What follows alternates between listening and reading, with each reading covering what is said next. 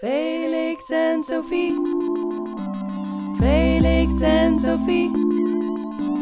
Felix en Sophie. Felix en Sophie. Hallo, leuk dat je luistert naar de Felix en Sophie podcast. Met deze keer een editie uit maart 2021. We gaan het hebben over virtualiteit met sprekers Jan Sleutels, Joris Raven en Olja Kudina. Allereerst Jan Sleutels. Jan Sleutels is universitair hoofddocent filosofie van de geest en mediafilosofie aan de Universiteit Leiden. Hij houdt zich doorgaans bezig met problemen van mentale inhoud in de epistemologie en de filosofie van de geest. Eh, maar vandaag hebben wij hem gevraagd om ons een inleiding te geven in het onderwerp virtualiteit. En dat zal hij doen met de lezing De realiteit is niet meer wat het was. Virtualisering. Ik beschouw het als mijn opdracht een, eh, een soort van algemeen kader te, te, schetsen, een framework zo je wil, in termen waarvan je over virtualisering als verschijnsel kunt nadenken. En eh, dat ga ik doen. Ik maak daar zelf geen keuze in, als schemert er misschien af en toe in de manier waarop ik dingen vertel wel een soort van voorkeur door. Ik presenteer het framework en het is aan jullie om daar iets mee te doen. Om te beginnen wil ik een eh, onderscheid maken tussen twee manieren waarop je kunt spreken over virtualisering. Werner, die verwees in de inleiding eigenlijk vooral naar virtualisering in engere zin. Een soort van dingen die we nu aan het doen zijn. Hè? Vertoeven in een virtuele ruimte. Of algemener gesproken het gebruik van digitale technologieën, zoals in dit geval Zoom op een computer, om ervaringen te mediëren. Of zelfs, nog spectaculairder, om die te genereren, zoals in het geval van, uh, uh, laten we zeggen, de Matrix. Of eh, VR-goggles die je kunt opzetten. Je kunt ook in een ruimere zin spreken over virtualisering. En dat wil ik er vanavond vooral ook bij betrekken. Dan gaat het echt niet alleen maar om digitale technologieën of om uh, mediëring van ervaring, maar dan gaat het om een transformatie van onze ervaringswereld. En vanuit dat perspectief kun je zelfs zulke vreemde dingen als, uh, of zulke onverwachte dingen als fietsen als een vorm van virtualisering beschouwen. Of um, de rotschilderingen in Lascaux die ook nog even voorbij laat komen. Of uh, fastfood bijvoorbeeld, dat je bij de McPeep kunt krijgen. Eigenlijk ook een vorm van virtualisering. En last but not least, bepaalde soorten van wijnen, laat ik ze maar aanduiden als supermarktwijnen, die toch op een bepaalde manier net anders lijken te zijn dan echte wijnen of authentieke wijnen. Dan hebben we het dus over een transformatie van de ervaringswereld, een virtualisering, die helemaal niet een alternatieve werkelijkheid is waarin je aan het, aan het vertoeven bent, maar eh, een getransformeerde werkelijkheid, een onderdeel van onze eigen werkelijkheid. Uh, de, de portée van mijn verhaal zal, blijken, zal uiteindelijk zijn dat virtualisering meer te maken heeft met een manier van verhouden tot de werkelijkheid, dan met een ander soort van werkelijkheid die op de een of andere manier aan ons wordt voorgeschoteld. Er zijn verschillende manieren om over virtualisering na te denken. Sommige zijn voorstanders, andere zijn tegenstanders, verder critici enzovoort. Maar vriend en vijand is er eigenlijk wel over eens dat onze uh, samenleving, in elk geval de westerse samenleving op dit moment, uh, betrokken is in een proces van toenemende virtualisering. Dat kun je op een aantal manieren uh, aanduiden, waar ook iedereen het eigenlijk wel over eens is. Er is sprake om te beginnen van een vorm van wat ik zou noemen ontdaring. Eh, een neologisme van mij, vertaling uit het Frans van devenir hors la, Gilles Deleuze-achtige terminologie. Eh, dat wat virtueel wordt, wordt onttrokken of gesublimeerd vanuit het hier en nu, vanuit de fysieke realiteit en wordt geplaatst, ja, wordt eigenlijk nergens geplaatst. Hè. Het, het, is niet meer in tijd en ruimte, het kan zich overal en altijd bevinden. Denk aan uh, Super Mario, uh, hier rechtsonder afgebeeld die heeft precies de eigenschappen die in de middeleeuwen in, de, in het christendom werden toegeschreven aan engelen. En dat is het soort van wezens die op elk moment overal kunnen zijn. Geweldig. Als je, als je dat kunt, dan, ben je een, dan kom je in aanmerking om heilig verklaard te worden. In de middeleeuwen althans. Super Mario bevindt zich op mijn Nintendo, die ik overigens niet heb, het is maar een voorbeeld. Op jouw Nintendo, op ieders Nintendo op hetzelfde moment. En is dezelfde Super Mario. Het is een wonder. Die is ontsnapt aan het hier en nu vriend en zijn er ook over eens dat virtualisering te maken heeft met een vorm van bestendiging. De ontsnapping aan de broosheid van het, fysieke bestaan. Datgene wat virtueel is gemaakt, dat blijft. Hè? Dat wordt niet gecorrumpeerd, dat verdort niet, dat uh, sterft niet. Dat uh, bevindt zich als het ware op een ander plan. Ik heb, uh, ik heb boeken in de kast staan hier naast mij. Die boeken kunnen verbranden, verloren gaan, kwijtraken enzovoort. Uh, er kan van alles mee gebeuren. Maar de PDF-files, of althans de virtuele versies die ik op mijn computer heb, die verdwijnen nooit. Ja, ik kan ze wissen, maar dan bestaan die PDF's nog altijd. Het is bestendigd. En virtualisering heeft ook volgens Vriend en Vijand te maken met een vergrote betrouwbaarheid. Het is een remedie tegen uh, allerlei vormen van contingentie en onzekerheid. Denk aan webshops bijvoorbeeld. Uh, als, je, als je een boek wil kopen, dan kun je naar de boekhandel gaan, maar is die wel open? Ben je nog op tijd? Hebben ze het boek? Enzovoort. Een webshop, die heeft het altijd. He, daar kun je op vertrouwen. Bol.com, vandaar. Maar Amazon.com had natuurlijk ook gekund. Ik bied jullie drie perspectieven en die, uh, die hang ik op aan uh, drie termen. Verarming, vervreemding en verrijking. En die associeer ik met, uh, of die licht ik toe aan de hand van het werk van drie filosofen. Ed Reed, een psycholoog, schuinstreep filosoof uit de Verenigde Staten, jong gestorven zoals je ziet, die vindt virtualisering, een term die hij overigens niet zelf gebruikt, verarmend. Jean Baudrillard, Frans filosoof, jullie wel bekend neem ik aan, die heeft het over het vervreemdende effect van, um, uh, van virtualisering, de totstandkoming van een hyperreality. Vooral, ik zal vooral iets, een, een idee gebruiken uit zijn boek Simulacre Simulation. En tot slot Pierre Lévy, wederom een Frans filosoof, uh, werkt in Ottawa tegenwoordig. Die vindt het vooral een verrijking die de virtualisering ons te bieden heeft. We beginnen met de verarming. Ed Reed, een jaar voor het jaar uh, waarin hij uh, zou blijken te sterven, schreef een ontzettend leuk pinkdik boekje The Necessity of Experience. Uh, Reed is iemand, hij was vooral actief als psycholoog in de zogeheten ecologische perceptieleer.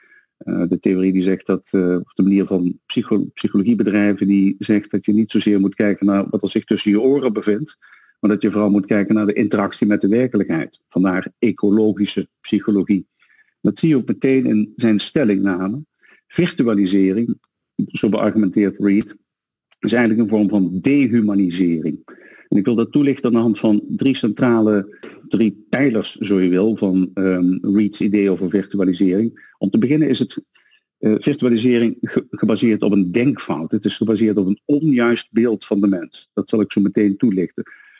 Reed geeft Descartes de schuld. Uh, het is iets typisch iets uh, uit de moderne tijd. En René Descartes is de zondebok, volgens Reed, die deze verkeerde manier van denken um, in het Westen verbreid heeft en waarop allerlei maatschappelijke misstanden zijn gebaseerd. Bovendien wordt, die virtualisering, dat proces dat echt aan de gang is, gekenmerkt door een vorm van paranoia. Het uh, wordt gevoed door een angst voor onzekerheid en door een bepaalde overdreven controlezucht. We willen, we willen onze omgang met de werkelijkheid beheersbaar maken en betrouwbaar maken. En tot slot vindt Reed dat die virtualisering ons dehumaniseert in de zin dat het onze, de kwaliteit van onze ervaring verarmt. Het leidt tot vermiddelmatiging, tot vervreemding en tot een vorm van waardeloosheid. Zo je wil zelfs een vorm van nihilisme, een uitholling van alle waarden. Laat ik beginnen met die denkfout die Reed toeschrijft aan Descartes. Jullie weten allemaal hoe Descartes zich, uh, wat het mensbeeld van Descartes was. Uh, onze geest, ons bewustzijn, heeft geen direct contact met de buitenwereld, zoals het sindsdien vaak uh, is, is genoemd.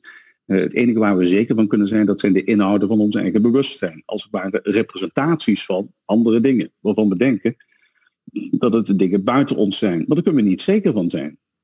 Misschien is er wel een boze demon eh, in plaats van de werkelijkheid, hè, die mij precies die ideeën geeft over die kamer waarin ik mij nu bevind enzovoort. Je kunt het ook associëren met de Matrix, waarin er een, uh, niet een god uh, is die de plaats inneemt van de werkelijkheid, maar een computerprogramma dat rechtstreeks ideeën inplugt in onze hersenen. We zijn tegenwoordig geen Cartesianen meer in de zin dat we denken dat we een onstoffelijke geest hebben, althans merendeel niet. Maar van mijn part zijn het de hersenen waarmee we, uh, wij denken. Vaak nog hoor je vooral neurowetenschappers beweren dat uh, het de hersenen zijn die ons het wereldbeeld geven. En onze hersenen kunnen niet voorbij hun stekker kijken, om het maar even figuurlijk te zeggen. Die weten niet waar precies die signalen die ze verwerken van afkomstig zijn. Nou, als je dat, als je dat voor waar houdt, dan betekent dat dat het voor onze ervaring toch geen verschil maakt waar precies die uh, uh, indrukken die wij ontvangen vandaan komen. En waarom zouden we de wereld dan niet proberen te vervangen door een meer betrouwbare bron? Een, soort van ervaringsmachine. Dat is veiliger, het is altijd beschikbaar, het is betrouwbaarder, het is voorspelbaarder. Het is in alle denkbare opzichten beter. Ik zit hier nou niet te denken, en Reed ook niet, aan uh, zoiets als de Matrix. Dus een computerprogramma waarop we moeten worden ingelogd. Of een, het opzetten van een VR-bril. Daar gaat het niet om. Maar in de loop van de afgelopen eeuwen hebben we in onze, in, gewoon in onze natuurlijke werkelijkheid, in onze gewone omgeving, de fysieke werkelijkheid zou ik moeten zeggen, hebben we allerlei systemen opgetuigd die op een meer betrouwbare manier ons precies de gewenste ervaringen geven. Ik geef daarvan een paar voorbeelden. En dan, ligt dan, wil ik dat meteen, dan wil ik meteen uitleggen waarom dat ook tot kwaliteitsverlies uh, leidt volgens uh, Reed. Laat ik beginnen met een verwijzing naar uh, Alessandro Barrico. Ik weet niet of jullie dat boek kennen. Oorspronkelijk een Italiaanse journalist. Oorspronkelijk een serie artikelen in Italiaanse kranten. later gebundeld tot I Barbari, ook in het Nederlands vertaald. De barbaren. Essay over de mutatie van onze cultuur. Barrico die uh, bespreekt zulke verschijnselen als uh, de verandering in het voetbal. Voetballen was vroeger een sport waarin totaal onvoorspelbare, geniale dingen gebeurden. En tegenwoordig is dat heel anders. Tegenwoordig hebben we systeemvoetbal, vooral de Hollanders. de, dragen, daar, dragen daar schuld aan. En dan moppert Barrico, on, ongeveer van mijn leeftijd, nogal over. Dus er gaat iets verloren in die hang naar voorspelbaarheid. We willen winnen en we willen een gegarandeerd systeem om die winst mogelijk te maken. Is de manier van voetballen veranderd? Een ander voorbeeld uh, dat hij bespreekt, uh, waar, waar hij over kankert, zo je wil, dat zijn boeken. Denk aan formule-trillers of iets dergelijks. Uh, Dan Brown misschien. Heb je één boek van Dan Brown gelezen, dan ja, eigenlijk dan, dan heb je ze allemaal gelezen. Het blijft ontzettend leuk hè, om het volgende boek te lezen, dat is het punt niet. Maar zijn formuleboeken uh, geworden. Ze hebben niks, voorspel, uh, niks, niks onvoorspelbaars meer, niks briljants meer. Ze zijn een beetje vermiddelmatigd. Een laatste voorbeeld wat ik wil noemen, vandaar dat plaatje van Ilja Gort, tegen wie ik verder niks heb, en ook tegen zijn wijnen heb ik uh, he helemaal niks. Ehm, de Hollywood-wijnen, zoals Barrico het noemt, heeft hij ook een hoofdstuk aan gewijd. Vroeger, toen de tomaten nog rood waren en de aardappelen uh, smaakvol en weet ik wat allemaal. Vroeger was het zo dat, um, ja, dat een wijn je kon verrassen met zijn sublimiteit. Maar die kon ook enorm tegenvallen. Je wist het nooit helemaal zeker. He, er zaten hoogte- en dieptepunten in. Maar ja, onder andere onder invloed van uh, de economie um, hebben we tegenwoordig Hollywood-wijnen. Massa geproduceerde wijnen die een soort van middelmatige gegarandeerde kwaliteit hebben waar het merendeel van de mensen goed mee kan leven. Hij moet daar niks van hebben. Een andere criticus in het, in het verlengde van dit soort uh, kritiek, dus die het ook heeft over ervaringsmachines, daar komt het in feite op neer, is Hubert Dreyfus, een um, aantal jaren geleden overleden, die in een boek waarin hij schreef over het vroege internet, is inmiddels twintig uh, jaar geleden zo onderhand dat dat boek verscheen, uh, waarin hij wijst op een verlies aan authenticiteit wanneer je op internet uh, voor een groot deel van de dag actief bent. Bijvoorbeeld op Facebook, dat je op Facebook vrienden maakt. Of dat je op Facebook vrienden ontvriendt. Of dat je politiek actief bent in, op, op internet. Daar zit geen echte ziel meer in. Dat is ook op een bepaalde manier vermiddelmatigd. Je verliest je authenticiteit. Althans, dat beweert Dreyfus. Een laatste kort voorbeeld wat ik wil noemen is wat wij hier aan het doen zijn. Of online lesgeven Vandaar dat plaatje van die uh, meneer achter zijn laptop die aan het zoomen is of aan het, uh, weet ik veel, uh, aan, aan, het skypen is, iets dergelijks. Dat is toch net iets anders, net iets minder dan elkaar live treffen. Er is sprake van kwaliteitsverlies. Hè? er gaat iets verloren. Iemand die er ook over heeft gesproken, dan switch ik naar het tweede perspectief. dat is Jean Baudrillard. En dan wil ik vooral zijn boek uit 1981, al lang geleden, hè, 40 jaar geleden, Simulacre et Simulation gebruiken. Ik noemde zojuist de Matrix. Ik weet niet of jullie de scène herkennen, die rechtsonder staat afgebeeld. Dat Neo, ergens in het begin van uh, de Matrix deel 1, het, uh, zijn diskettes op, opzoekt, zijn floppies, ik weet niet meer precies wat, diskettes zullen het wel zijn geweest, met zijn uh, gegevens en zijn programma's. En die bewaart hij in een uitgehold boek in het laden. En dat is het boek Simulacra et Simulation. Geweldig. In, dat, in een van de hoofdstukken van dat boek beschrijft Baudrillard de opmars van de simulacra. Wat is een simulacrum? Ik zou het willen vertalen als een ervaarbare nabootsing van de werkelijkheid. Dus iets hè, vergelijkbaar met de ervaringsmachine die ik zojuist uh, uh, als uitleg bij Reed gebruikte. Iets wat uh, bepaalde ervaringen in ons kan beweeg, teweeg brengen. Die lijken op, in relevante opzichten, die lijken op wat we ervaren wanneer we met de echte scarecodes der werkelijkheid interageren. Het gaat overigens niet alleen maar om ruiken, zien, tasten enzovoorts. Het gaat ook om het, om het, om het, uh, om het, om het uh, hanteren van, uh, van dingen in de werkelijkheid. Ook dat kan worden nagebootst. Ook dat kan ervaarbaar worden gemaakt op een manier die altijd en overal beschikbaar is. En wat, wat Baudrillard opmerkt in, in dat boek, is dat er sprake is van wat hij noemt een precessie van de simulacra. Of een opmars, zo je wil, van de simulacra. Simulacra, je kunt denken aan uh, bijvoorbeeld uh, bandopnames of geluidsopnames. Dus ik ben nu aan het spreken, want het kan worden opgenomen. En op het moment dat het is opgenomen, kan het altijd en overal weer hè, opnieuw worden beleefd, wat ik heb gezegd. Maar ook filmopnames uh, of foto's. Dat zijn eigenlijk op zich heel onschuldige dingen. Maar wat uh, Baudrillard signaleert is dat die op zich onschuldige dingen aan een opmars bezig zijn, zodanig dat ze een steeds lossere band krijgen met de werkelijkheid waar ze een nabootsing van worden geacht te zijn. En uiteindelijk wordt het simulacrum zelfs een werkelijkheid op zich. Je kunt je dat voorstellen als wat er gebeurt wanneer je een computergame zit, uh, zit te spelen. Dus wanneer je echt aan het interageren bent met een werkelijkheid, aan het ervaren bent van een nabootsing, die niet meer de nabootsing is van iets wat echt wat echt bestaat. En in dat proces waarin wij betrokken zijn, zegt uh, Baudrillard, is er sprake van vervreemding. Uh, ik, ik, wil kort even twee voorbeelden die Baudrillard zelf uh, noemt aan de orde stellen en dan twee van mijn hand eraan toevoegen. Disneyland Parijs, ik weet niet of jullie er ooit zijn geweest. Ik ben er een keer of drie geweest met mijn toen nog jonge zoon, die er tegenwoordig ongetwijfeld nog een keer naartoe zal willen, maar kan allemaal niet, want het is gesloten in Disneyland Parijs, maar trouwens ook in Disney World Orlando, daar kun je gewoon echt het wilde westen beleven zoals het uh, uh, anderhalve eeuw geleden was. Je kunt daar ruimteavonturen beleven. Echt. Je kunt ze echt ervaren, maar op een veilige, betrouwbare, herhaalbare manier. Je hoeft alleen maar een ticket te kopen en geduld te hebben om in de rij te gaan staan. Of een fastlane ding doen. Dat is geweldig. Maar eigenlijk is het natuurlijk nep. Je bent eigenlijk, wanneer je je overgeeft aan, uh, laten we zeggen, de Big Thunder Mountain Experience of iets dergelijks, ben je bezig met iets wat niet meer echt contact maakt met de werkelijkheid. Je bent je op een bepaalde manier, je bent dan op een bepaalde manier aan het ontsnappen aan de werkelijkheid.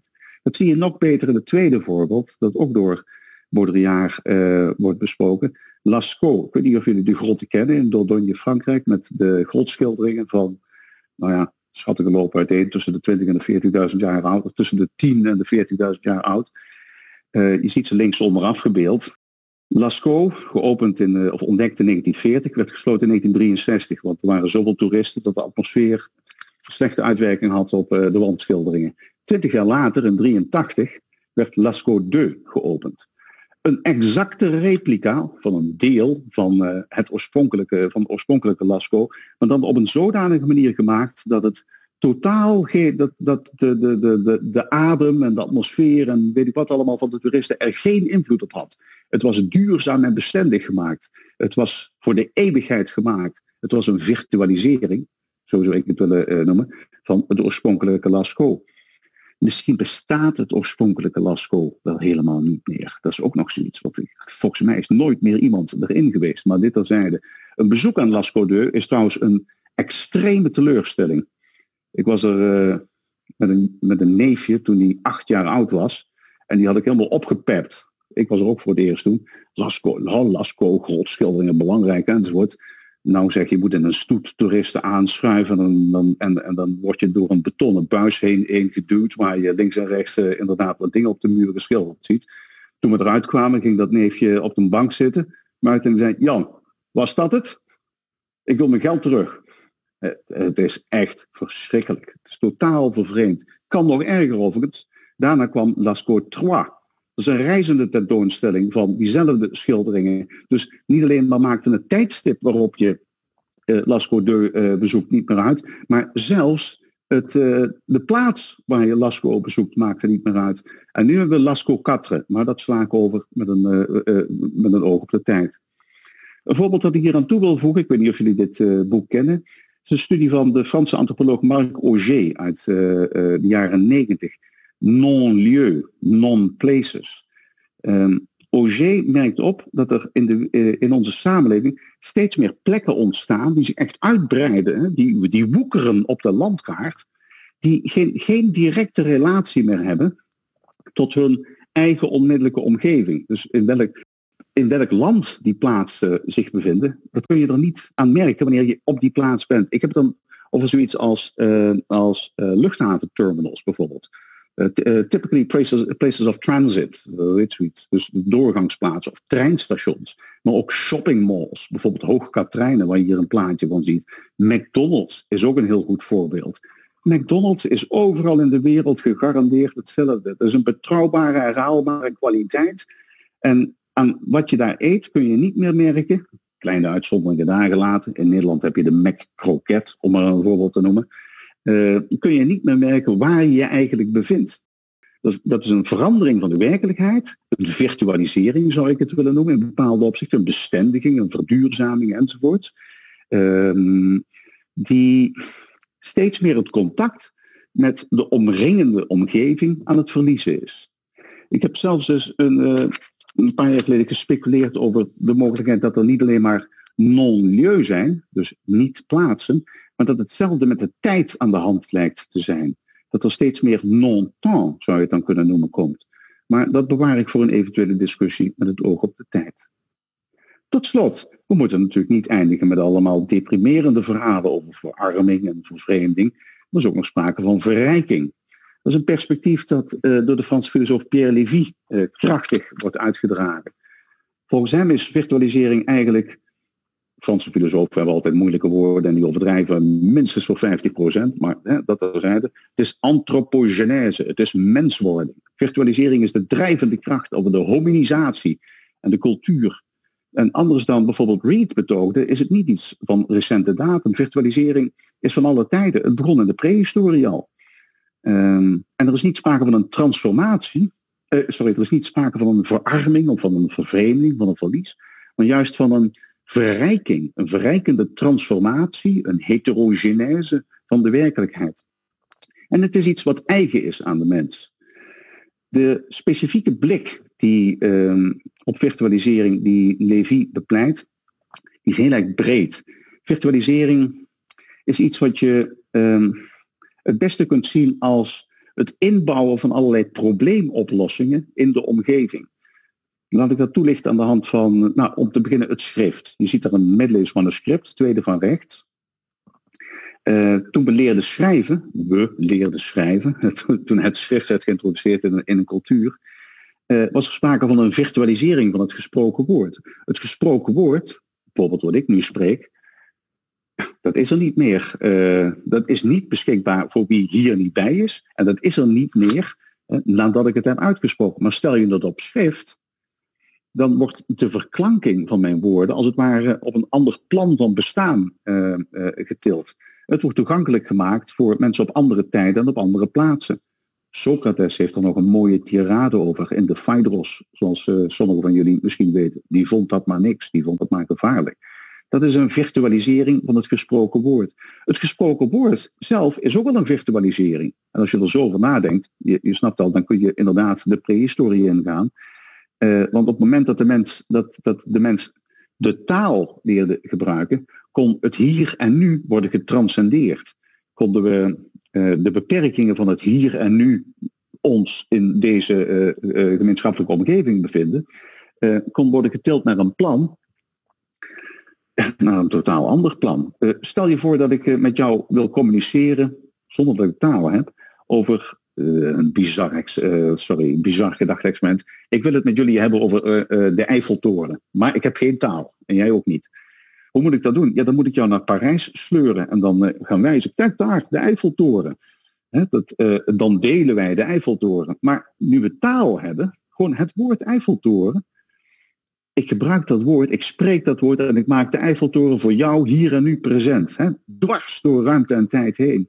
Eh, of door de ruimte heen in elk geval. Hetzelfde voor uh, de tijd. Julius Caesar. Stel je eens voor dat je daarover van gedachten moet wisselen zonder dat je taal hebt. Taal is een vorm van virtualisering, namelijk een virtualisering van het hier en nu. Uh, laatste voorbeeld wat ik hier wil noemen, vanwege de tijd, onderbreekt mij, hè, en Werner, jullie zouden hadden beloofd om streng te zijn, is, is, een, is een fiets. Een fiets, dat is gewoon een ding wat uh, er ergens in zo'n rek staat, wat je voor je huis hebt staan, of wat ergens tegen een boom staat, of aan de gracht. Het is een geweldig ding. Het is een onderdeel van de werkelijkheid, hè? maar het heeft iets virtue virtueels. Het is, het is een gevirtualiseerde handeling. Het is de oplossing van een probleem die in een deel van de werkelijkheid is ingebouwd. Wat is het probleem dan? Nou ja, weet je, ik wil van A naar B en ik wil lopen en ik wil snel gaan en tegelijkertijd wil ik blijven zitten. Dat is het probleem. Nou, daar hebben ze de fiets voor uitgevonden. En ik hoef dat probleem niet meer op te lossen. Ik hoef alleen maar die fiets te pakken. Wat in studentensteden ook steeds vaker gebeurt door zomaar een fiets te pakken. Maar dat weer terzijde. Dat, wat dat ding is er. Dit is niet een voorbeeld van Livy zelf. Het is een voorbeeld van skis. Wat is het probleem daar? Ja, je snapt wel. Je zit bovenop die berg. Die berg ligt vol met sneeuw en je wil snel naar beneden op een veilige manier. Die skis maken het mogelijk. En je snapt dat zo doorredenerend je allerlei verrijkingen in de werkelijkheid kunt identificeren. Uh, de computer is een superverrijking. Uh, of, of naar Netflix kijken, is een gevirtualiseerde bioscoop, zo je wil. Maar zelfs zoiets als, uh, dat we zeggen, een kipfilet van gegarandeerd 500 gram salmonello vrij en weet ik wat allemaal, en, en geen botjes die je in de supermarkt koopt, ook dat is eigenlijk een stukje virtualiteit. Het is een gevirtualiseerde kip. Het is niet hetzelfde als die kip die je helemaal links ziet staan. Kip Henny, een van de voorbeelden die ik vaak gebruik. Ontzettend lekkere kip, maar ja, erg onbetrouwbaar. Je weet niet hoeveel kipfilet er in die kip zit. En je weet niet of die salmonella vrij uh, zal zijn of uh, dat je hem goed kunt klaarmaken. Maar dat weet je wel van die kipfilet, die, van die kip plus, wil je wil. Gevirtualiseerde kip. Dit is een idee dus over de mens als een, als een wezen dat op een natuurlijke manier met technologie zich omringt en de omgeving verbetert. Het idee dat je in um, veel hedendaagse takken van de philosophy of mind aantreft, of zo je wil de wijsgerige antropologie. Eén voorbeeld zie je hier, uh, een boek van bijna twintig jaar geleden al, Andy Clark, Natural Born Cyborgs. Wij zijn cyborgs omdat we biologische wezens zijn die een symbiose aangaan met technologie. Technologie die we gebruiken om tot hogere prestaties te komen. Dat is een verrijking. En laten we, niet, la, uh, laten we er eerlijk over zijn. Ik weet niet of dit nou de grootste prestatie is linksboven, maar we hebben mensen op de maan gezet. Ja, het is echt gebeurd. Misschien zijn kunstmanen, hè, satellieten een beter voorbeeld, of telecommunicatie, of dat je je telefoon kunt gebruiken. Um, webshops, rechtsboven. Of wat we nu aan het doen zijn, uh. Het is maar mogelijk gemaakt dankzij al die, uh, die, dankzij die ingebouwde verrijking van onze omgeving. En last but not least, of, of je er nou blij mee bent of niet, ook zoiets als uh, vaccins tegen ziektes of überhaupt geneesmiddelen tegen ziektes, uh, zoals in dit geval tegen corona, het vaccinatieprogramma. Allemaal mogelijk dankzij die verrijkende technologieën. En dat, beste luisteraars, waren mijn drie perspectieven. Verarming, vervreemding, verrijking. De tweede lezing in deze editie wordt gegeven door Joris Raven. Hij is docent aan het Instituut voor Wijsbegeerte van de Universiteit Leiden en bovendien docent filosofie aan het Stedelijk Gymnasium in Leiden. Tot slot is hij als Research Fellow verbonden aan het Martin Heidegger Archief in Meskirch. We hebben hem voor vandaag gevraagd om ons te vertellen over zijn proefschrift Realtime Realiteit, waarin hij onderzoekt hoe de tegenwoordige communicatietechnologie onze perceptie van tijd en ruimte beïnvloedt. De titel van mijn uh, lezing is Real-time realiteit. En uh, inderdaad, uh, dat was ook de titel van mijn proefschrift. Um, ik wil juist eventjes in mijn verhaal de nadruk leggen op waar het juist schuurt. met, die, ehm, met die nieuwe realiteit die zich aan het ontsluiten is. Um, en de titel van de lezing die zal ongetwijfeld duidelijk worden. Ik ga eerst eventjes naar uh, deze uh, volgende uh, slide. Dus hier is een citaat. Ik ga het citaat eerst maar even voorlezen. Tijd en ruimte zijn gisteren gestorven. Wij, hebben, wij leven reeds in het absolute, want we hebben de eeuwige, alomtegenwoordige snelheid reeds gecreëerd. Dit is een citaat uit 1909. En dit citaat is prachtig, want hier zie je dat inderdaad die tijd en die ruimte um, worden gethematiseerd. Um, en er is sprake van een alomtegenwoordige snelheid. Erg mooi uh, geformuleerd.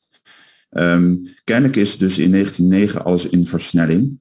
Uh, en dan moeten we natuurlijk denken aan de machinetechniek. Dus de uh, machinetechniek die in de 19e eeuw zo werd ontwikkeld. De stoommachines eerst. En natuurlijk ook al de uitvinding van de benzineauto op dat moment. Um, en de wereld uh, raakte dus in versnelling uh, door die nieuwe transportmiddelen. Um, nou, Marinetti is een futurist en dit is een citaat uit het Futuristisch Manifest. En de futuristen, dat waren kunstenaars, schrijvers, dichters, die eigenlijk die, ja, die, die, die nieuwe technologie, die nieuwe techniek vierden en verwelkomden. Uh, en echt ja, een, een, een utopische visie hadden op een nieuwe technologische maatschappij. Um, nou, dit citaat onthouden we even. Dit is mooi. Tijd en ruimte zijn gisteren gestorven. Daar zit eigenlijk al iets heel paradoxaals in natuurlijk. Überhaupt, hè, als je kunt zeggen dat tijd en ruimte zijn gestorven, uh, dan zeg je dat toch op een bepaald moment en vanuit een bepaalde plaats. Dus dat, dat is een mooie paradox. Maar er staat ook al hè, dat het gisteren dus al gebeurd is. Nou, dat is ook weer een tijdsbepaling. Maar het is gisteren al gebeurd. We zijn inmiddels alweer verder. Dus die versnelling zit hier al in. Hè. Um, nou, ik ga even naar het volgende. En dat is een citaat wat daar heel erg op lijkt. En dat citaat is van de mediafilosoof Marshall McLuhan. En dit citaat, uh, dat vinden we uh, in een van zijn boeken. Uh, dat werd gepubliceerd in 1963. Dus we maken nu een sprong in de tijd. 50 jaar later, 50 jaar na de futuristen, schrijft McLuhan in de Space Age, de tijd van de ruimtevaart, maar dus ook de tijd van de nieuwe telecommunicatie met transatlantische verbindingen televisie, uh, directe televisieverbindingen van werelddeel naar werelddeel. Um, daar, in dat tijdperk schrijft McLuhan het volgende. Onze wereld is een spik nieuwe wereld van alles tegelijkertijd. Tijd is opgehouden, ruimte is verdwenen. We leven in een wereldwijd dorp, een simultaan gebeuren. Ja, dit is het bekende citaat van, van McLuhan, waarin hij ja, die frase Global Village entameerde. En de Global Village, um, ja, dat is dus, ja, de, de, wereld wordt, een, wordt, wordt één groot dorp. We krijgen namelijk het uh, nieuws rond de dorpspomp, uh, krijgen wij de hele dag binnen. Maar nu, ja, toen via de televisie, nu natuurlijk op al onze devices. Um, op de achtergrond ziet u trouwens de Telstar satelliet. Dat is de, ja, de eerste televisiesatelliet. Die werd een paar maanden eh, voor dat boek van McLuhan gelanceerd, 1962. En die maakte dus die wereldwijde verbindingen mogelijk. Nou, zetten we die citaten even naast elkaar. Dan zien we dus links Marinetti en rechts McLuhan. En ze zeggen beide dat tijd en ruimte dan, ja, zijn gestorven of zijn verdwenen. En links zien we dat prachtige woord alomtegenwoordigheid. En rechts zien we dat mooie woord alles tegelijkertijdheid. Nou, deze twee woorden, alomtegenwoordigheid en alles tegelijkertijd, resoneren mijns inziens heel mooi met de tijd, het tijdperk waarin wij nu leven. het tijdperk van het internet. Alomtegenwoordigheid en alles tegelijkertijd. Wat betekent dat nou eigenlijk? Ja, die alomtegenwoordigheid is natuurlijk niet alleen het feit dat uh, uh, er allerlei in, uh, informatie- en communicatietechnologie overal om mij heen voorhanden is. Maar ook dat ik daardoor uh, op allerlei verschillende plaatsen als het ware aanwezig ben. Hè. Ik ben even in Afrika, ben even in Amerika, ben even in Azië. Want ja, dat nieuws dat kan, ik meteen, uh, dat kan mij meteen bereiken. En ik ben eigenlijk eventjes daar. Natuurlijk is die paradox heel raar. Hè. Tijd en ruimte zijn, uh, zijn gestorven, zijn verdwenen. Wat wordt er dan misschien mee bedoeld? Een transformatie. Een transformatie die ook in de vorige presentatie natuurlijk mooi uh, um, uh, werd uh, besproken. Een transformatie, een verandering van onze realiteit. een verandering van die beide dimensies van de realiteit, de ruimte en tijd. Nou, Castells, Manuel Castells, is een socioloog. Die schreef ja, zo toch aan het begin van het internettijdperk in 1998 in een trilogie over de Information Age, het informatietijdperk. Um, nou, schrijft hij over een transformatie waarbij de ruimte van flows, de ruimte van plaatsen domineert en tijdloze tijd de klokkentijd van het industriële tijdperk substitueert. Ik noem die nieuwe werkelijkheid de real-time realiteit. En uh, die real-time realiteit die ontstaat dus omdat er een nieuw soort tijd ontstaat. En die tijd die uh, wordt door ICT-experts, computerprogrammeurs en dergelijke real-time genoemd. Um, en die tijdruimte van die uh, uh, real-time, uh, die nieuwe werkelijkheid, die noem ik dus graag dan de, de real-time realiteit. Um, het is een realiteit, een nieuwe realiteit, maar ingeruimd door een nieuwe tijd met de naam real-time. Nou, laten we eens even kijken wat dat dan precies inhoudt. Real-time technologie wordt gedefinieerd als alle informatie- en communicatietechnologie die een, eh, een instantane, dat wil zeggen vertragingsloze of directe uh, telecommunicatie of informatieoverdracht uh, mogelijk maakt. Um, dus real-time technologie die wordt gekenmerkt door ubiquitous computing, zoals het dan heet in het technisch jargon. Um, en dat betekent dat het overal en altijd werkt. En natuurlijk kunnen we daarbij denken aan dat apparaat, uh, de mobiele telefoon. Ik laat het even zien voor de camera. Um, kijk, die, die, die kunnen wij overal meenemen. Het werkt overal en kan op dat internet. En, en, en altijd. Uh, af en toe hapert het, maar uh, die videoverbindingen af en toe. Um, maar wederom, hè, niet alleen zijn die apparaten ubiquitous, wat betekent hè, alomtegenwoordig, uh, in de zin van overal om mij heen voorhanden, maar zij uh, bemiddelen en mobiliseren, hè, uh, dit wordt een knipoog natuurlijk, onze alomtegenwoordigheid. ik word alomtegenwoordig. Ik ben overal tegelijkertijd, in een alles tegelijkertijdheid, Um, omdat ik die telefoon op zak heb en al die meldingen krijg en me voortdurend kan verplaatsen. Nou, daardoor zijn wij voortdurend verplaatst. Uh, uh, is een observatie die je kunt doen. Virilio, Paul Virilio is een Franse filosoof. Een, een, filosoof die veel studie maakt van ja, versnelling. versnellingsmaatschappij door toedoen van uh, nieuwe technologie. En al in 1995 ook zo aan het begin van uh, ja, het, het internettijdperk uh, heeft hij het over een telehandelen hè? En, en, en een telepresent zijn voor elkaar. Nou, dat, dat ben ik nu voor u en u bent dat nu voor mij. We zijn telepresent. we zitten hier niet echt in de fysieke ruimte, maar toch zijn we bij elkaar. Nou, mijn vraag is dan, hè, wat, wat, is dat nou voor nieuwe tijd? Uh, wat is het karakter van die nieuwe tijd? Welk heden wordt nu eigenlijk mogelijk gemaakt om te sloten als wij in die real-time ogenblikken uh, ons ophouden? Nou, dan wil ik naar Heidegger, want ik wil dan eigenlijk u even meevoeren in uh, de filosofie van Heidegger. Um, want die kan ja, wel ophelderen wat, ja, wat er misschien aan de hand is. Heidegger is een techniekfilosoof, ongeveer van de jaren 40. Vanaf de jaren 50 uh, gaat hij zich ook echt in plaats van op de machinetechniek, ook gaat hij zich uh, richten op uh, de informatie- en communicatietechnologie. Goed, het techniekdenken van Heidegger. Heidegger die vraagt zich af, wat, wat, wat doet die moderne techniek met de wijze waarop wij ons tot de werkelijkheid verhouden, tot andere personen verhouden, maar ook tot onszelf verhouden. Um, en hij geeft dat een naam, het bestel. Hij zegt het wezen van de moderne techniek, dat noemt hij het bestel. Wat bedoelt hij daarmee? In het Duits is het woord stellen, stellen, een woord uh, voor uh, uitdagen, aanjagen, afdwingen, opeisen, opvorderen. Wat is dat nu? Nou, we worden ertoe bewogen om het zijnde, dat wil zeggen ja, als wat er is, personen en onszelf, voortdurend ja, te beheersen, te bestellen, zegt hij. Eigenlijk willen we dat alles op afroep beschikbaar wordt in de mijnbouw proberen we in, die, in de, de, de, de natuur uh, zo op de pijnbank te leggen dat we alles eruit halen.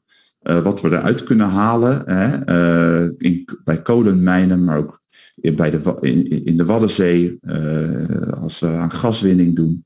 Dus we proberen het op te eisen, hè, wat, wat, wat de natuur ons te bieden heeft. In het informatietijdperk zou je ook kunnen zeggen, ja, we willen dat alles ja, direct beschikbaar is. Hè. Dat is echt iets wat we willen. We willen met een paar klikken uh, een paar hyperlinks willen we mensen kunnen oproepen, plaatjes hebben, video's hebben. We zijn er de hele tijd mee bezig. Heel mooi vertaald door vertaler Wildschut als terstond ter plekke ter beschikking. We willen dat alles terstond ter plekke ter beschikking is. Ik ga even naar een wat concreter verhaal, namelijk wat zijn dan die ontwerpprincipes van onze uh, mobiele telefoon, uh, van, van die apps uh, die, die daarop zitten. Ik kan een aantal dingen noemen waardoor het toch niet overdreven is om te spreken over een situatie waarin we door die nieuwe techniek uh, worden opgeëist. Onze aandacht wordt opgeëist. Onze tijd wordt daardoor geroofd. Wij worden uh, opgevorderd om die techniek de hele tijd te raadplegen. We worden de hele tijd naar die telefoon toegezogen. We hebben daar eigenlijk heel weinig ja, uh, verweer tegen. De eerste drie principes, fruitautomaat, oneindige fiets en interruptie, dat zijn, dat zijn eigenlijk eigenschappen van die telefoon ehm, of van die apps. Ze werken als een fruitautomaat. Een fruitautomaat uh, is eigenlijk het principe dat je, hebt allemaal, je hebt, je, hebt, je, hebt, je hebt knopjes, je hebt buttons. En als je erop klikt, dan, uh, ja, dan kan er een soort variabele be beloning uh, volgen. Um, oneindige feeds. Um, ja, die, die YouTube, YouTube is een soort, soort bodemloze chips schaal. Ehm, het blijft maar aangevuld worden. we worden voortdurend gestoord, die interruptie. en die laatste drie zaken zijn uh, zaken die gaan over ja, uh, waar, waar, dat, waar die technologie op inspeelt. Het bekende FOMO-fenomeen, we willen niks missen, dat is iets wat diep verankerd zit in ons mensen. We hebben een enorme behoefte aan sociaal contact en erkenning. als wij iets posten, dan willen we graag dat iemand daarop reageert. we, willen, we willen dingen delen. Dus die, die nieuwe technologie speelt wel in, in, in een soort aan, uh, op, op soort aangeboren ja, uh, behoeftes van mensen. Ik ga naar, ik ga naar zijn tijd, want menselijk bestaan wordt gekenmerkt voortdurend door een bepaald vervallen, zoals hij dat noemt. En dat vervallen, dat is een opgaan in een met elkaar zijn of mede zijn.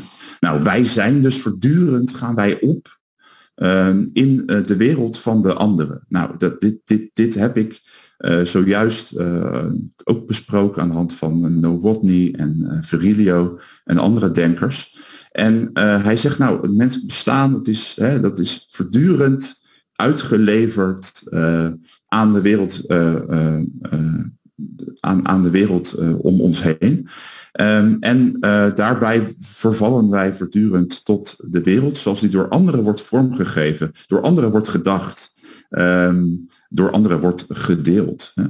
Um, nou, hij noemt dat, wij worden het men. Want het, men vindt uh, dat we dit moeten hebben gelezen. Men vindt dat je hier naartoe op vakantie moet gaan. Men vindt dat uh, wij die filmpjes moeten zien. En daar worden we eigenlijk in opgezogen voortdurend. En uh, nou even naar het, het, het, citaat hier, hier rechtsonder.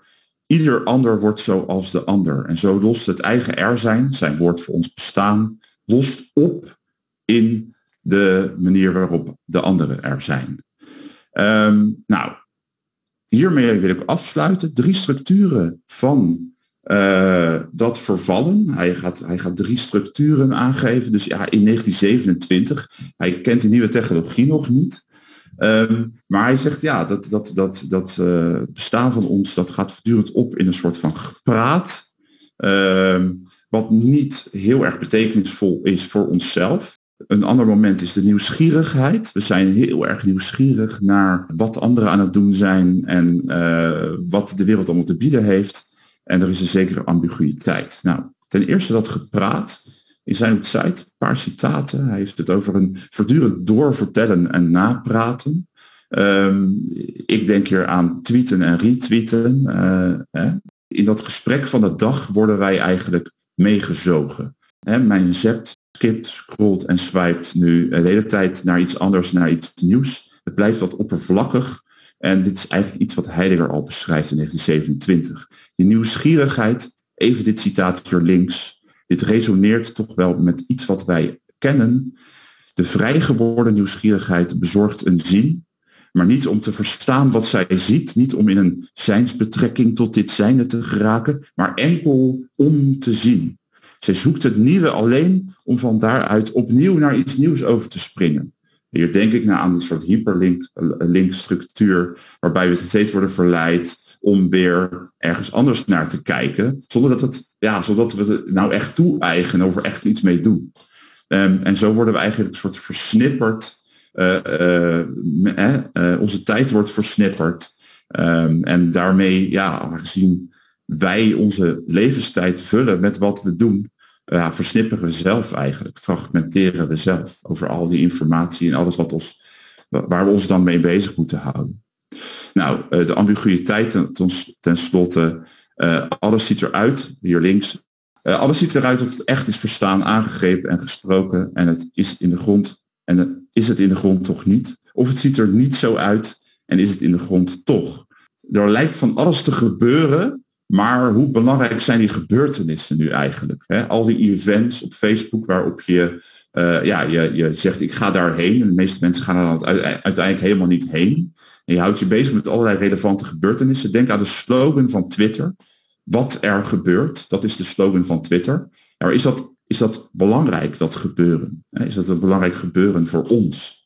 Daar laat ik dat even bij. Tot slot, ja, wat is nou een eigenlijke tegenwoordigheid in de wereld, een eigenlijke presentie, volgens Heidegger? Hij zegt dat is een eigenlijke toekomst. En met toekomst bedoelt hij dat wij toekomen op onszelf, dat wij doorzien dat wij voortdurend verstrooid zijn, dat wij voortdurend zijn afgeleid en dat we dat tenminste nog doorhebben. Dat is wat we mogen hopen. Hier wil ik bij laten. Dank u wel. De laatste lezing van deze editie wordt gegeven door Olja Kudina. Zij is als docent en onderzoeker in ethiek en filosofie van de technologie aan de Technische Universiteit van Delft verbonden. In haar werk richt ze zich op de interactie tussen waarden en technologieën vanuit een empirisch perspectief.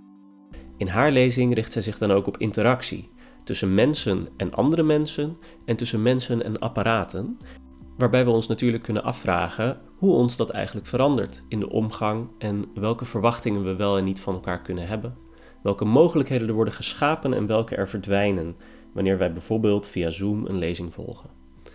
Ik wens jullie nog veel luisterplezier. As you can see, the topic of today's well, the short talk that I'm going to be giving is about juxtaposing the two concepts connection and conversation. And I'm definitely not the first to do so. In fact, this phrase is borrowed from a famous um, psychology professor and somebody who works also in, we could say, broadly speaking, philosophy of technology at MIT, Sherry Turkle, who wrote a few books on the role of technologies in our lives. And their titles were Reclaiming Conversation and um, Alone Together. And it already gives you a bit of an idea of the kind of framing that is given to technologies here. Um, and it's really sometimes often coincides with what I hear, especially these days during the pandemic. And I will be using quite a lot the context of pandemic for uh, explaining, for sort of analyzing this phrase. regarding the role of technologies that play in connecting us and maybe even sometimes disconnecting us. Sometimes technology is positioned as a savior, almost, I would say, almost as a messiah of our society, and sometimes completely the opposite, as our ultimate nightmare and as a destroyer of our hopes and dreams. And especially during the pandemic, when we came to rely on digital tech even more than we have ever did before, I often heard about these numerous benefits of digital connection and ability to maintain bridges when we're physically divided, right? However, this always made me think of the so-called double-edged sword of technology, because technology is trying to fix uh, complex social problems with introduction of technology in the field where I work, ethics of technology, is known as technological fix. And in the context of our topic, it may mean that the increased connectivity made possible by technology may perhaps counterintuitively also reduce the social involvement and increase loneliness. And as Sherry Turkle argues in one of her titles of the books, when we're using digital technologies, are we in fact alone together? Theoretically speaking, um, I'm coming from a tradition of moral hermeneutics, which is just a brief theoretical point that I wanted to introduce today that kind of outlines the main tenets of my talk. And it basically hinges on the idea and on the concept of framing technology not as a neutral tool, but as a mediator of our practices and experiences. But by our, I mean human practices, individual and collective, within specific social and cultural conditions of the world, represent here as WT for technology and H for human. Technology does something more than it was designed to do, and it's never just about one person or one technology. It's rather what happens at the intersection of different actors that I've just mentioned and what is being enabled. But at the same time, how does the introduction of technology in the practice that we've had before it affect that practice, reshifts its priorities, perhaps makes some things more obvious, or decreases the priority of some other things that we found important before, especially for moral practices. Technology also helps to co-shape some kind of moral perceptions, desirability ideas, or standards that we might have based on which we actually act in the world. And also the scope of the options available to for, for us for the use through the use of that technology. And maybe aiming not just the shifting the priorities, but also helping to shape the meaning of values that are dear to us as well. So what does connection mean in the age of the pandemic? And what role uh, technology is playing in that? So during my talk, I will be giving three concrete examples and three practices that I will be analyzing through this prism of double-edged sword of technology and technological mediation. Voice assistance is uh, the first case in point. Um, voice assistants promise this everyday accompaniment, natural interaction, while almost kind of helping to know our intuitions before we know them ourselves. And here I'm referring to, I don't know, voice assistants on your phones in the shape of uh, Siri, for those of you who have Apple phones, or Google Assistant who have Google phones.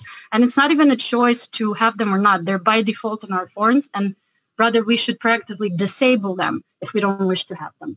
But more and more, and especially during the pandemic, the use of voice assistants in the shape of smart speakers, right, what you can see sort of here uh, at, the, at, the, back of the picture, um, have really piloted. Like, for instance, Amazon's Alexa or I don't know, the same Google's Home, but then not in the shape of your phone technology, but as a designated separate speaker that you can carry around in your home.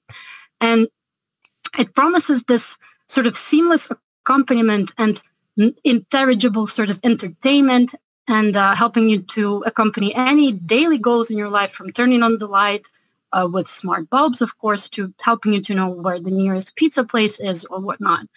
But in reality, maybe if any of you have tried these technologies, you would probably know that um, they're not really good at understanding from the first or even the second and, and sometimes even the third time. And it really breaks down the communication because they're marketed as smart assistant that can understand you. In fact, I suggest that understanding is a wrong word to use here at all. Instead, it's actually processing human speech as a series of commands and it also discards very different parts of what it means to communicate and to talk to each other, such as, for instance, jokes or sarcasms or idioms or some kind of niceties as simply non-functional, non-essential, by flattening also our language, the way we express ourselves, and with that, the way we understand each other and the world around us. And we also become quite angry because uh, this thing is not delivering sort of what it promised to us. Nonetheless, uh, the use of smart speakers during the pandemic rocketed, as I said. And for instance, um, there's not really um, full statistics for the Netherlands, but in the neighboring Germany, one in four households is already using the smart speaker in the shape of this designated separate speaker, not just some integrated in your phone. They become our objects of confidence. And especially during the pandemic, the promise of this natural interaction without bothering to type or swipe. And um, it became really alluring to quite a lot of people who started to be very forgiving towards their voice assistants and really forgiving them for not understanding them from the first time and instead adjusting the way we speak to the assistants rather than trying to change the technology itself. And this promise of natural interaction fostered another quite big user group in voice assistants, namely the elderly, who are quite aware that they're talking to a robot and not a human. And perhaps actually some reports suggest that because of that, they're really willing to talk to them because they don't want to bother their children who they think are busy, right? Or they don't want to reveal their vulnerabilities to a human being. Rather, they feel very comfortable with saying it and speaking that towards a plastic box rather than that. And they really do become sort of our mental health care assistants that help to navigate those uncertainties of the pandemic. Remote education is another case that I wanted to consider, or remote learning. We can speak of it broadly. It brings, of course, new opportunities. I mean, we wouldn't be able to have this workshop, this, well, not workshop, really, this conversation today of uh, Felix and Sophie without the uh, ability to connect online. So without that, it's also helping to connect us across different time zones so people from different countries can participate without the cost of travel. It's also cutting these cost barriers in terms of access to learning but also it's giving us knowledge on demand. It's available at any time. And in some circles, it's even called as the Netflix of education, right? This Zoomification of education, uh, lectures on demand, pre-recorded things, and interactions that are proceeding quite differently than what we're used to in classroom.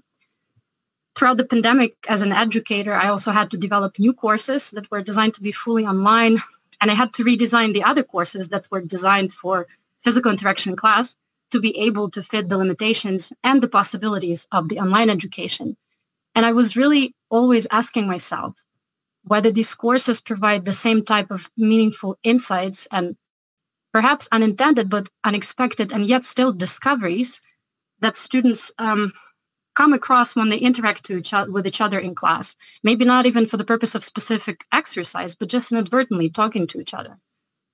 And at the same time, when I'm also looking at the reviews of the students for the courses over the last year, um, I see quite a lot of benefits that I haven't intended before, right? Or I haven't sort of reflected on before, such as, for instance, students getting a chance to attend the course because otherwise they might not have met the visa requirements to enter the EU, or they wouldn't be able to afford the course, the high steep tuition fees for the course otherwise.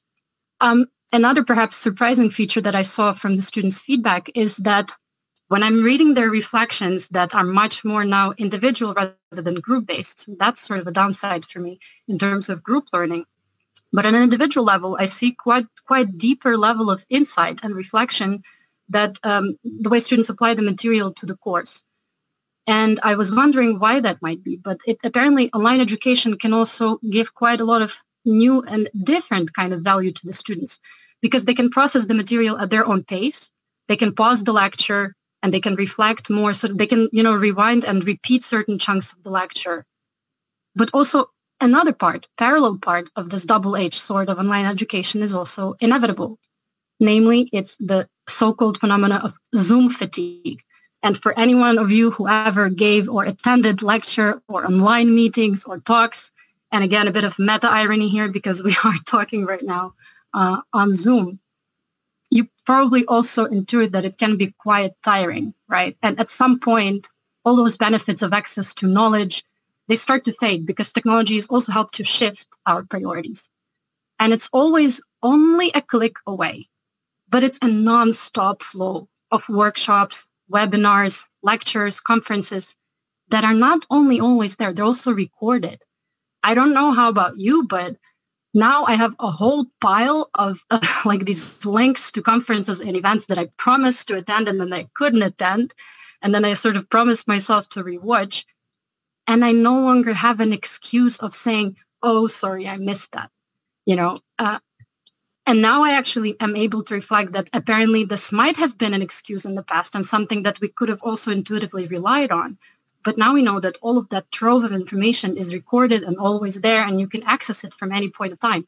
So we also have some kind of perhaps new expectations, not only of knowledge generation and knowledge production, but also of knowledge consumption that are created with the help of these digital technologies.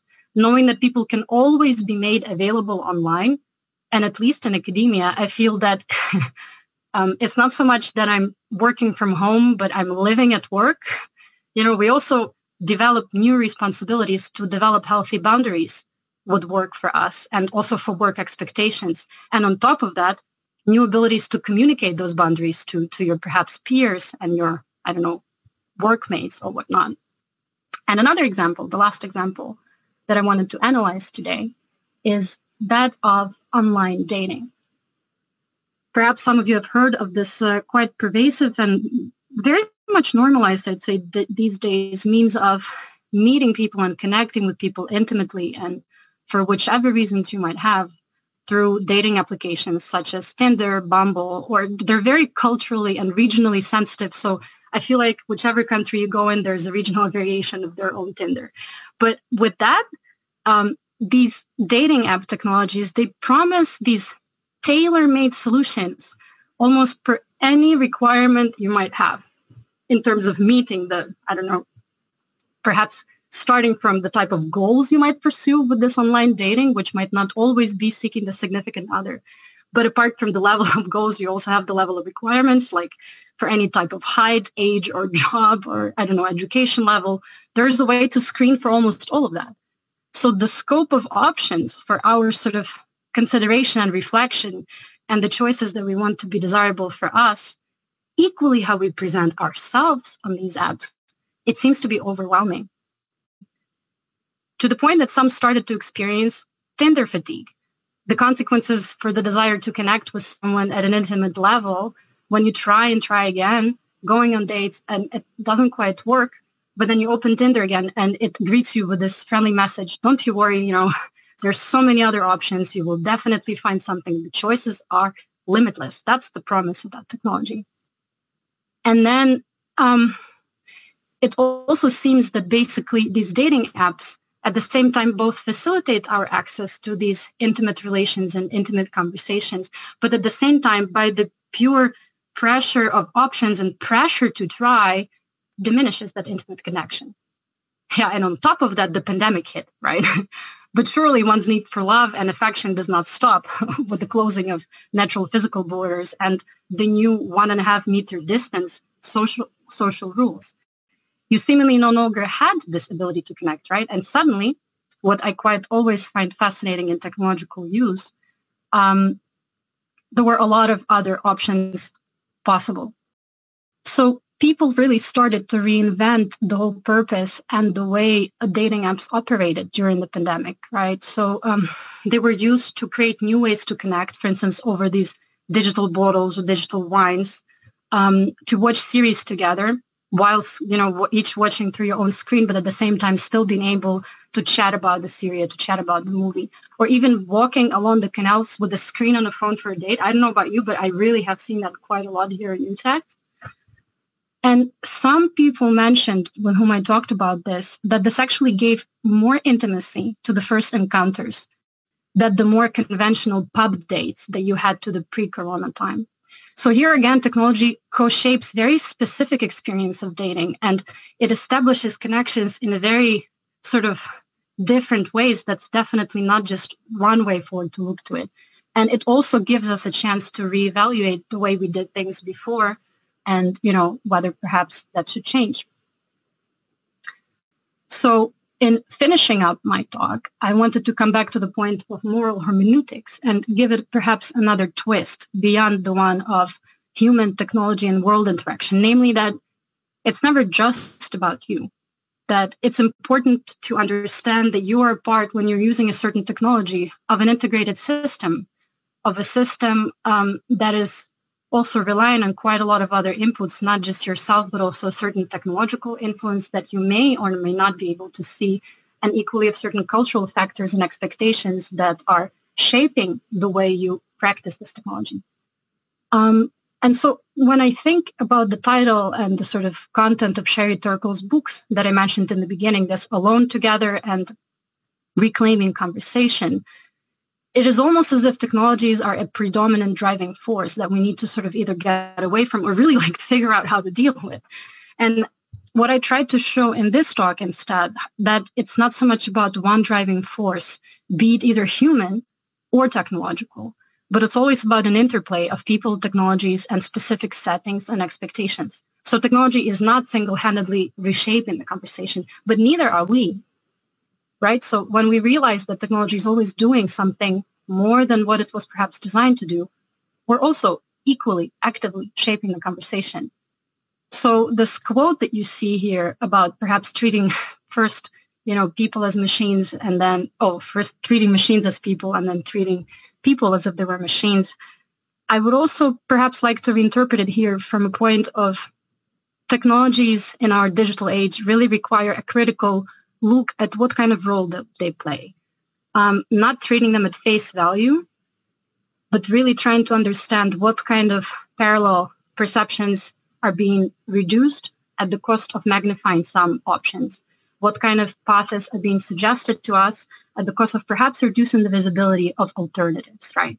And when we're able to see this double-edged nature of technology, we're also able to design the way we use it, develop strategies and I don't know, practices that work for us in this very dynamic and changing environment. And I think sometimes it may mean taking your lunch meeting with you outside, you know, for a walk with your earphones and really changing the way office culture is being done. But sometimes it might mean canceling that extra meeting in favor of just going for a walk, you know, without your phone or without your, I don't know, any additional digital devices. so that's the message that I had for you today, and I hope I'm doing well on time. Um, thank you for your attention. If you have any questions, I'd be really happy to answer them. Dat waren de drie lezingen van onze editie over virtualiteit. Ik hoop dat jullie er wat van hebben geleerd. En ik wil jullie in ieder geval heel erg bedanken voor het luisteren. Tot de volgende keer. Felix en Sophie. Felix en Sophie.